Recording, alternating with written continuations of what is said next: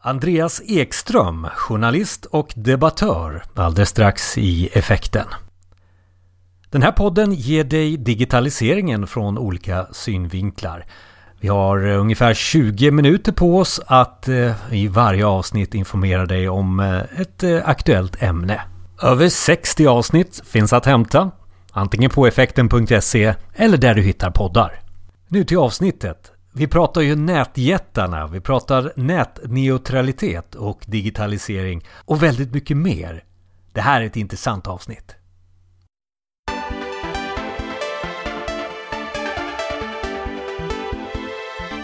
Välkommen till Effekten. Andreas Ekström. Tack så mycket. Eh, Andreas, vi ska prata om digitaliseringens utmaningar och, och, och, enligt dig då, utmaningarna inom digitaliseringen just nu? Väldigt bred fråga. Ja, det är en jättebred fråga. Det, det är mm, två saker samtidigt. Å ena sidan så vill vi se eh, storbolag som tar bättre ansvar, som involverar sig mer i samhället, som, som talar mer om vilka principer som gäller för deras arbete. Det är ju så att säga den, den delen av debatten som nu sätter hårt tryck på Google, på Facebook, på Amazon och så vidare. Det är det ena. Det andra är att vi vill se eh, politiskt starkare Eh, rörelse runt digitaliseringsfrågor. Vi behöver försvara nätneutraliteten till exempel. Alla är inte helt bekanta med det begreppet. Man kan då läsa den korta och korrekta Wikipedia-artikel som finns på svenska om detta. tycker jag är en bra sak att göra direkt efter att ni har lyssnat klart på det här. Ehm, därför att om vi inte har en, en, en, fungerande nätneutralitet så tror jag vi får svårt att se en sund startup-marknad och jag tror att vi får sund att se, svårt att se en sund informationspolitik. Så det, det är liksom, vi, har, vi har samtidigt stora krav på både samhällets säga, officiella aktörer, så de som representerar oss genom val och, och så. Samtidigt som, som bolagen också behöver kliva fram och, och delta i det här samhällsbygget på ett annat sätt. Vi måste hitta ett, ett, en, en, gemensam eh, plattform. Men har det gått för fort? Alltså alla appar och webbar och, och information som har spridits och sen bara oj, vad har hänt nu? Det, ja, men, ja alltså, det beror på hur man ser på sakerna. Å ena sidan så, så går all innovation alltid för långsamt. Det, så är det ju. Va? Ehm, samtidigt så går det, går det ju då kanske fortare än vad vi har varit vana vid. Och då finns det med andra ord saker att lära om. Gör man då en teknisk parallell så kan man se att om någon uppfann någonting 1930 så behövde vederbörande fem år på sig att skaffa ett patent, bygga en fabrik, anställa folk och, och, och fixa en distribution. Idag kan du ju göra allt det på måndag och lansera globalt på tisdag. Och, och, vad som, och skillnaden då det är ju det att då, på 30-talet då hade ju jurister, ekonomer, samhällsvetare, kulturfolk, lärare, vilka du vill, hade ju möjlighet att förhålla sig till det nya som var på gång och säga vad kul, vad spännande, vad ska vi göra med detta? Faktiskt skulle vi kunna göra så här också, kan vi få med den här aspekten? Och då byggde man samhället med alla de samhälleliga kompetenser som vi har och som vi behöver.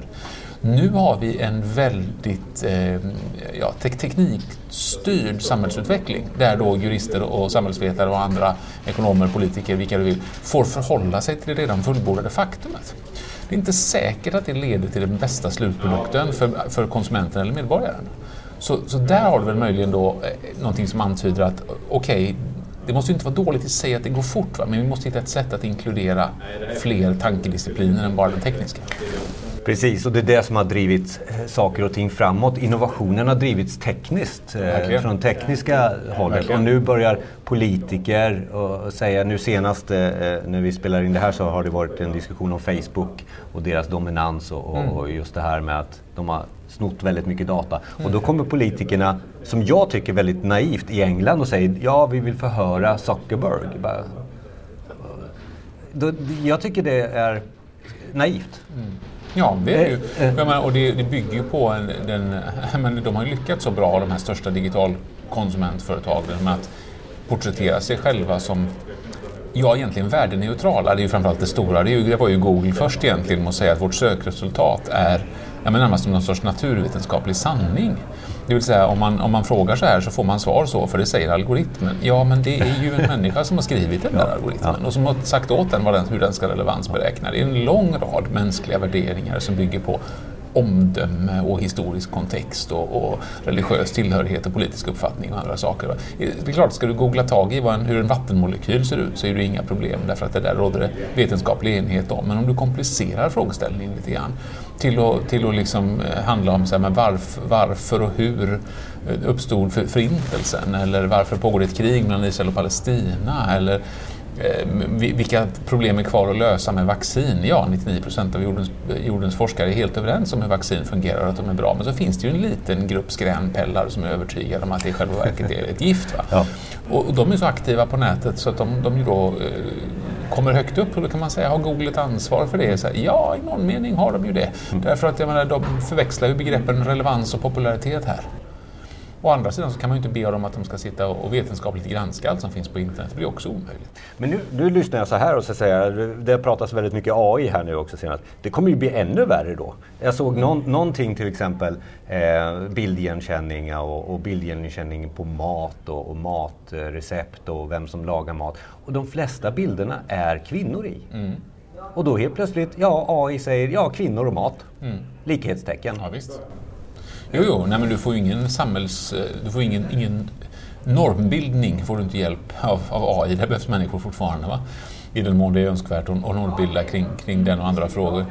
Eh, jag tror så här att, att nästan all teknisk diskussion bygger på storslagna idéer om vad vi möjligen skulle kunna göra om 10, 15, 20 år. Och det är jättebra därför att då kan man ha ett visionsarbete och då kan man ha någonting att sikta mot och så kan man tänka, gör vi så här blir samhället häftigare, bättre, coolare, snabbare. Alla de sakerna kan vi göra. Men samtidigt så är det ibland så himla uppenbart att så händer någonting i teknikutvecklingen som gör att hela det där visionsarbetet måste skruvas på. Och det går att ta många exempel. Eh, vad sägs om fildelningsdebatten? Säg 15 år sedan, 10 år sedan, så sa man att ja, men vi måste ladda ner mp3-filer till våra enheter så att vi kan lyssna på musik. Och då var det några som försökte säga, ja men om vi inte laddar ner då, utan vi har det på en central server och så, och så, så skickar vi ut det lite i taget och så kan man flagga hur många gånger det spelas. Och så kan man då betala i proportion till det och då får upphovsmannen en, en peng precis som vi har tänkt från början. Och, så där. och då tar vi tillvara allas intressen och så får vi en bra... Ja men det går ju inte när du är ute på stan för då har du inte, så, då har du inte bredband nog för det. Nej, för vi har inte fantasi nog att tro att ett mobilt bredband kunde mm. vara så brett. Så det, det stoppar hela diskussionen i flera mm. år. Och det är inte ens tio år sedan som vi inte hade den fantasin. Sen kommer Spotify och lite bättre mobilt bredband och sen är det här en icke-fråga. Så ursprungsfrågan var så här, utmaningen digitalisering. Utmaningen är att ta med sig in det här övriga. Alltså, ja, ja precis, politiker. Ja, du, ja, det är det som är utmaningen. Det är en jättestor utmaning. Och det, tittar du då, man lyfter blicken lite utanför Sverige. Vi är ju i en superprivilegierad position i Sverige. Mm. Man måste ha klart för sig att vi är sådär 7,5 miljard människor på planeten varav kanske 3,5 miljard aldrig har varit online fortfarande. Mm. Och alla bedömare säger ju liksom att ja, men vi kommer ju ha 90% plus connectivity ungefär 20 2030. Mm. Så på 12-15 år från och med nu då, mm. så kommer då ytterligare 3-3,5 miljard internetanvändare att tillkomma. Och de kommer huvudsakligen befinna sig i Afrika och Asien. Vad betyder det för internets utveckling? Det är fruktansvärt viktigt att vi gör det på ett nätneutralt sätt för att startups och, och därmed de nationernas ekonomier ska ha en chans. Det är otroligt viktigt att vi hittar någon typ av gemensam mark att kliva på när det gäller vad som då ska vara tillåtet i yttrandefrihetssammanhang och vilket socialt sätt vi beter oss mot varandra. Det är en enorm utmaning på alla, på alla samhälleliga nivåer men det enda demokratiskt möjliga är att se till att det här, att det här görs, att det här fungerar. Och det, det är i Asien och Afrika det kommer att hända. Nu har vi pratat om att måla upp lite de gråa. Eh, om vi tar de här ljusare molnen då inom mm. digitalisering, exempel på där digitaliseringen verkligen har gjort nytta och mm. framsteg. Ja, och det, då, då, behöver man inte, då behöver man inte tänka så, så stort därför att vad som händer är ju det att vi internaliserar ju alla de här sakerna. Jag menar, jag vore ju galen om inte jag hade mitt bank-id tillgängligt för alla möjliga eh, saker. Alltså, det, det, går att ha synpunkter på det på, på, olika sätt men jag är så fullständigt van vid det lilla mm. fingeravtrycket för att kunna signa in hos Försäkringskassan eller hos banken jag ska problematisera som sagt gärna det också. Men alla de där små sakerna som helt enkelt gör min vardag lite bättre och lite enklare, de är ju helt underbara. Den där appen där jag, som jag beställer en, en taxibil eller kollar lokaltrafiken, så de funkar ju alltid nu för tiden. Sånt som var buggigt och visade fel, så här, men det, det gör ju inte det längre. Vi har ju helt enkelt kommit mycket längre i användarvänlighet på ett sätt som gör att varje människas vardag har blivit mycket, mycket smidigare. Det är det absolut största. Och, och, där vill man ju också bygga vidare. Alltså, nu, återigen, vi är på webbdagarna. Där har man pratat väldigt mycket om användaren i centrum mm. och bygg därifrån och det är där mm. innovationen startar.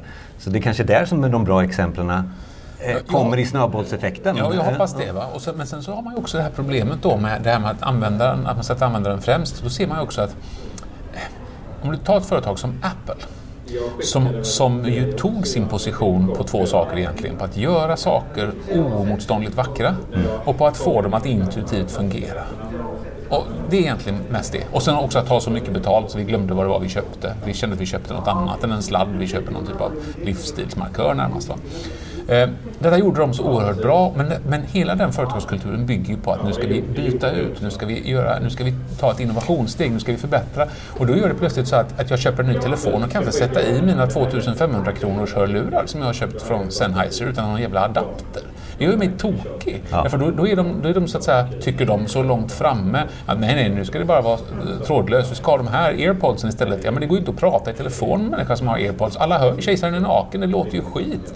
Alltså, det, det är lite sådana grejer som kan göra mig tokig. Och du hittar heller inga superutvecklare på Apple som är särskilt intresserade av att sitta och underhålla en så gammal produkt som iTunes. Vilket gör att iTunes har förändrats på 12 år till att vara fullständigt banbrytande, lysande till ett nödvändigt ont. Mm. Och det har ju bara att göra med, det är ju en företagskulturfråga, du hittar helt enkelt inte den typen av kamrermässiga programmerare som vill lägga in, alltså de, de allra, allra bästa hjärnan, de vill bygga något som inte finns än. Och det, det, är ett problem därför vi har ganska mycket infrastruktur att underhålla. Vi behöver helt enkelt ha digitala vaktmästare på ett annat sätt som, som känner att men det här finns vissa grundvärden vi måste slå vakt om, vi ska göra det bättre och sådär. Men, men vi kan inte bara hålla på och, och, byta för bytandets skull. Du menar att det kan vara svårt att rekrytera till en myndighet? Ja, en det blir jättesvårt. Ja. Det blir jättesvårt mm. Men även då för de här stora eh, konsumentföretagen så blir det svårt att bevara sin egen infrastruktur och sina egna grundprodukter. Därför man är så upptagen med att upptäcka och uppfinna nästa grej. Mm. För några år sedan så skrev du en bok om Google.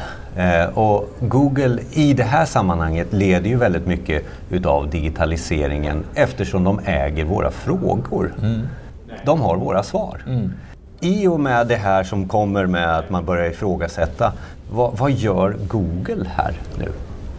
Ja, vad gör Google i den här situationen? Um, Google är det företag, det enskilda företag i USA som lägger mest pengar på lobbning i Washington DC. Detta är ju offentliga siffror i USA, måste redovisas där, så det vet vi. Ja. Um, och det gör de ju till stor del också i förebyggande syfte därför att de inser att den typen av datainsamling som de sysslar med förr eller senare riskerar att bli kontroversiellt och då riskerar man olika typer av reglering eller specialskatter eller vad det kan vara, sånt som man helt enkelt vill, vill undvika. Men nu är ju inte ett Google ett företag som så lätt låter sig till exempel styckas om man skulle vara orolig för det. Alltså man, sån här Microsoft-lösning, man plockar isär saker på 90-talet mot, mot hiskeliga viten. Därför att om Google har 250 olika tjänster i sin bukett så är det ju bara ett tiotal som faktiskt drar in pengar. De andra drar in data.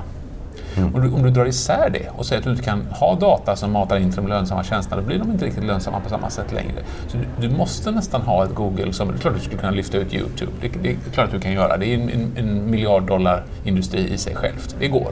Men men i princip så är det ändå så att alltså, kartorna genererar inga pengar för sig själva. Men datamängderna där skapar kunskap som går att monetarisera. Så att eh, Google försöker på olika begåvade sätt eh, förutse debatten. Man lägger mycket tid på det. Det finns, det finns väldigt intelligenta personer på, på Google som sysslar med att i ordets vidaste mening ja, närmast filosofera kring vilket samhälle vi ska ha och på så sätt identifiera vilken är Googles roll här? Hur ser en backlash ut? Vilka behov har vi framöver? Men samtidigt så de har ju stora problem nu. Jag menar, alltså webben växer med en sån hastighet så att de, eh, de klarar inte riktigt de här ska säga, ideella åtagandena som de lite grann har sagt. att vi ska skanna all världens böcker till exempel. Så de finns som en digital allmänning för alla. Säger, men det här projektet det ser inte ut att bli klart. Det händer ingenting. De kom snabbt upp till 20-30 miljoner titlar men de vet ju att det finns 150 miljoner unika boktitlar i världen. De har inte löst rättighetsfrågorna, de har inte löst eh, tekniken tillräckligt bra, skanningen håller inte tillräckligt bra nivå och det är framförallt inte en chans att det här kan bli lönsamt någon gång ens snart. Va?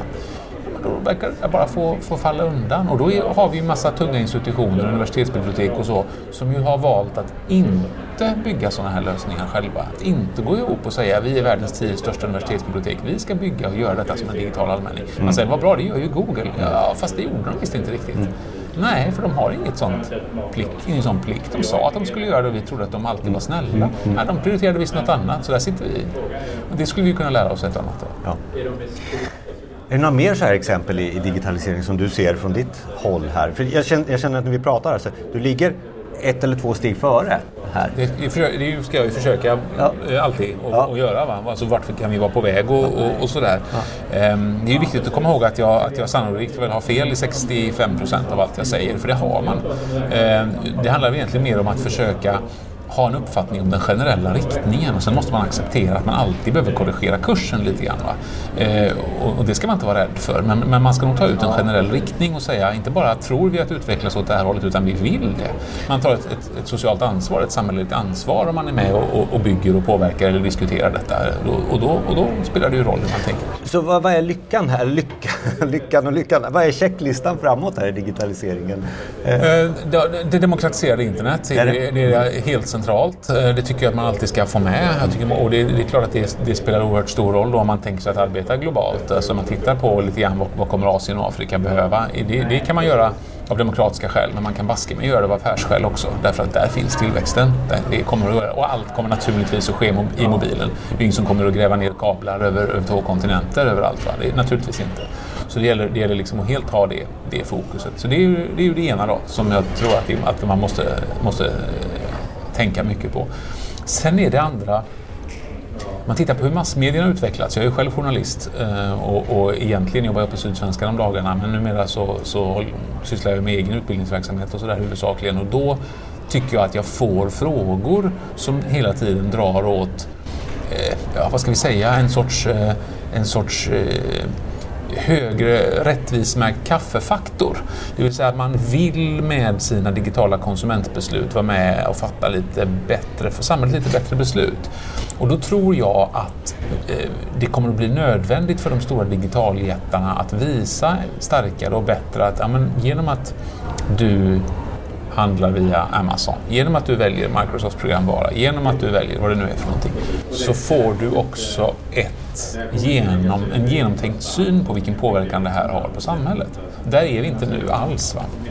Amazon skulle kunna tjäna mycket mer pengar om de ville, men det gör de inte. De dumpar priserna istället och slår ut arbetstillfällen på en rasande fart över Nordamerika och resten av världen också.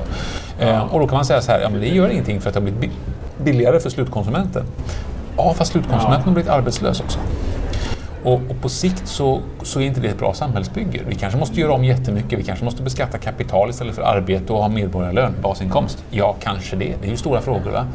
Men effekterna av våra konsumentbeslut. Kommer den här kaffebonden att ha hyggliga omständigheter under sin arbetsdag eller kommer han inte att ha det? Jag betalar lite mer för att det finns någon som har certifierat detta och jag väljer att lita på det. Den trenden kommer att bli starkare. Du ser prenumerationer, jag ska komma tillbaka till mediebranschen, du ser prenumerationer öka i, i, stor, i stor hastighet nu för, för vanlig dagspress. Det trodde vi var omöjligt, många av oss i alla fall, eh, för fem, sju, åtta år sedan. Jag, jag trodde inte det, vill jag poängtera. Men, men många har trott det i alla fall. Va? Och så mm. ser man då att man har sagt att vi gör en kvalitetssatsning, vi tar betalt och vi säger så här, digitalt betalt. Digitalt betalt ja. mm. Och då ser du då på de stora spelarna, Washington Post, eh, eh, New York Times, Dagens Nyheter och även hos oss på Sydsvenskan och en del andra, eh, Svenska Dagbladet. Man ökar helt enkelt kraftfullt sina digitala läsarintäkter. Kvalitet pratar man om. Ja, då säger man så här att ja, men, du, så här, det kostar då några hundra kronor här mm. eh, för detta och för det så får du följande saker. Men inte bara får du det här innehållet och den här kvaliteten som vi tycker är värd att betala för, ja, precis som ett par gympaskor eller, eller eh, pålägg eller vad du vill mm. som en produkt. Va? Utan du får också så här, vi håller på med någonting lite speciellt. Och vi, och vi försöker förklara det så gott vi kan. Så här, men det är inte finare än något annat, men det är lite speciellt. Alltså fungerar massmedierna bra i en liten mellanstor stad så, så, minskar det faktiskt risken för att kommunalrådet förskingrar våra gemensamma pengar. Det är så. Och det görs inte alltid allt rätt. Det ska gudarna veta. Men det är bättre än de alternativ vi har hittat. Kommunrevisionen är inte lika bra på att nå ut till medborgarna och förklara vad de har hittat som journalisterna är. Va? Varje stad behöver någon typ av fungerande nyhetsbevakning. Och detta, det pedagogiska arbete som ligger till grund för det visar sig nu då i att folk säger att ah, jag har nytta av min, min DN-prenumeration, min Svenska Dagbladet-prenumeration, min GP-prenumeration, min Sydsvenska-prenumeration. Men jag vill också ha den för att bidra till samhällsbygget. Du pratar igen, jag har pratat med Tobias Dixell om innovation och då pratar han om det här i en affärsrelation också. Eh, där man oftast eh, kör de här fem varför och så, så kommer man upp så här, ja pengar ska vi tjäna. Och då var han på något möte där, han, där liksom den, någon VP sa liksom att we all here for the money. Nej, det är vi inte längre. Utan det är den här den, the higher goal lite mm. där du är ute efter. Och jag, men, och jag tror att ska man bygga det som en hållbar affär på längre sikt så måste du alltid lyckas kombinera det. Du måste, ja. få, du måste få en tillräckligt hög känsla av nytta för att konsumenten ska säga jo men jag vill ha den här tidningen därför den är tillräckligt kul och bra och jag har tillräckligt mycket nytta av den. Dessutom får jag bonusvärdet att den gör de här andra sakerna. Eh, jag tror det blir oerhört svårt att, att bygga en hållbar affärsmodell på att detta är detta i största allmänhet bra. Du, I och för sig så ser du, du ser rekordhöga siffror på, på välgörenhet i Sverige. Människor ger bort mer pengar än vad vi någonsin har gjort historiskt samtidigt som vi har ett av världens eh, högsta skattetryck. Eh, det betyder ju att det inte är någon snålhet. Folk är inte rädda för att dela med sig. Så här, att, men vi litar på Röda Korset och vi blir, vi blir fruktansvärt upprörda av det vi får veta, nota bene genom journalistiken, om mm. vad som händer i Syrien och på andra ställen. Mm. Och då sätter vi igång med våra systematiska, vårt systematiska månadsgivande och sådär. Ja, men jag tyckte det var en revolution när den borgerliga regeringen införde en viss avdragsrätt för gåvor. Och det togs ju bort sen av den nuvarande mm. regeringen. Ehm, men det är en sån avgörande syn på hur man vill att samhället ska se ut. Antingen så beskattar vi och fördelar, eller så skattar vi mindre och gör detta till en frivillig sak, men vi skapar ett incitament för det.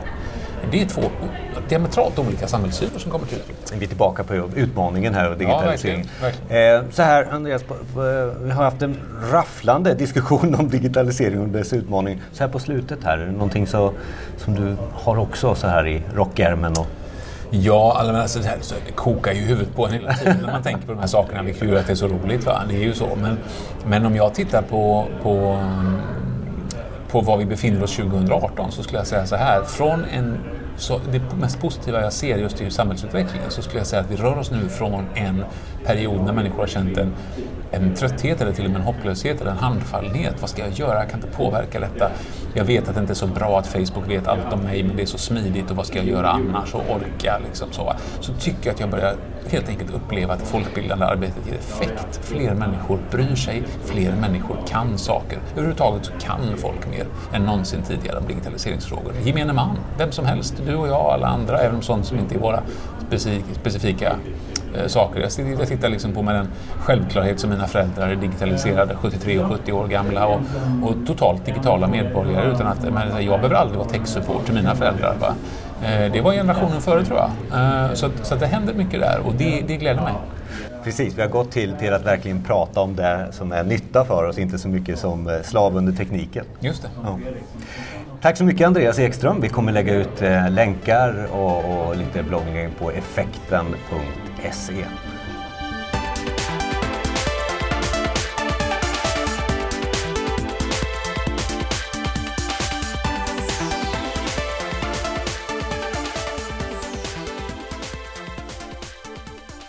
Andreas Ekströms senaste föredrag hittar du också på effekten.se.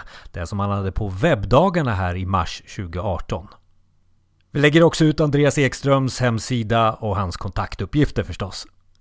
På effekten.se så hittar du också över 60 poddavsnitt som handlar om den pågående digitaliseringen.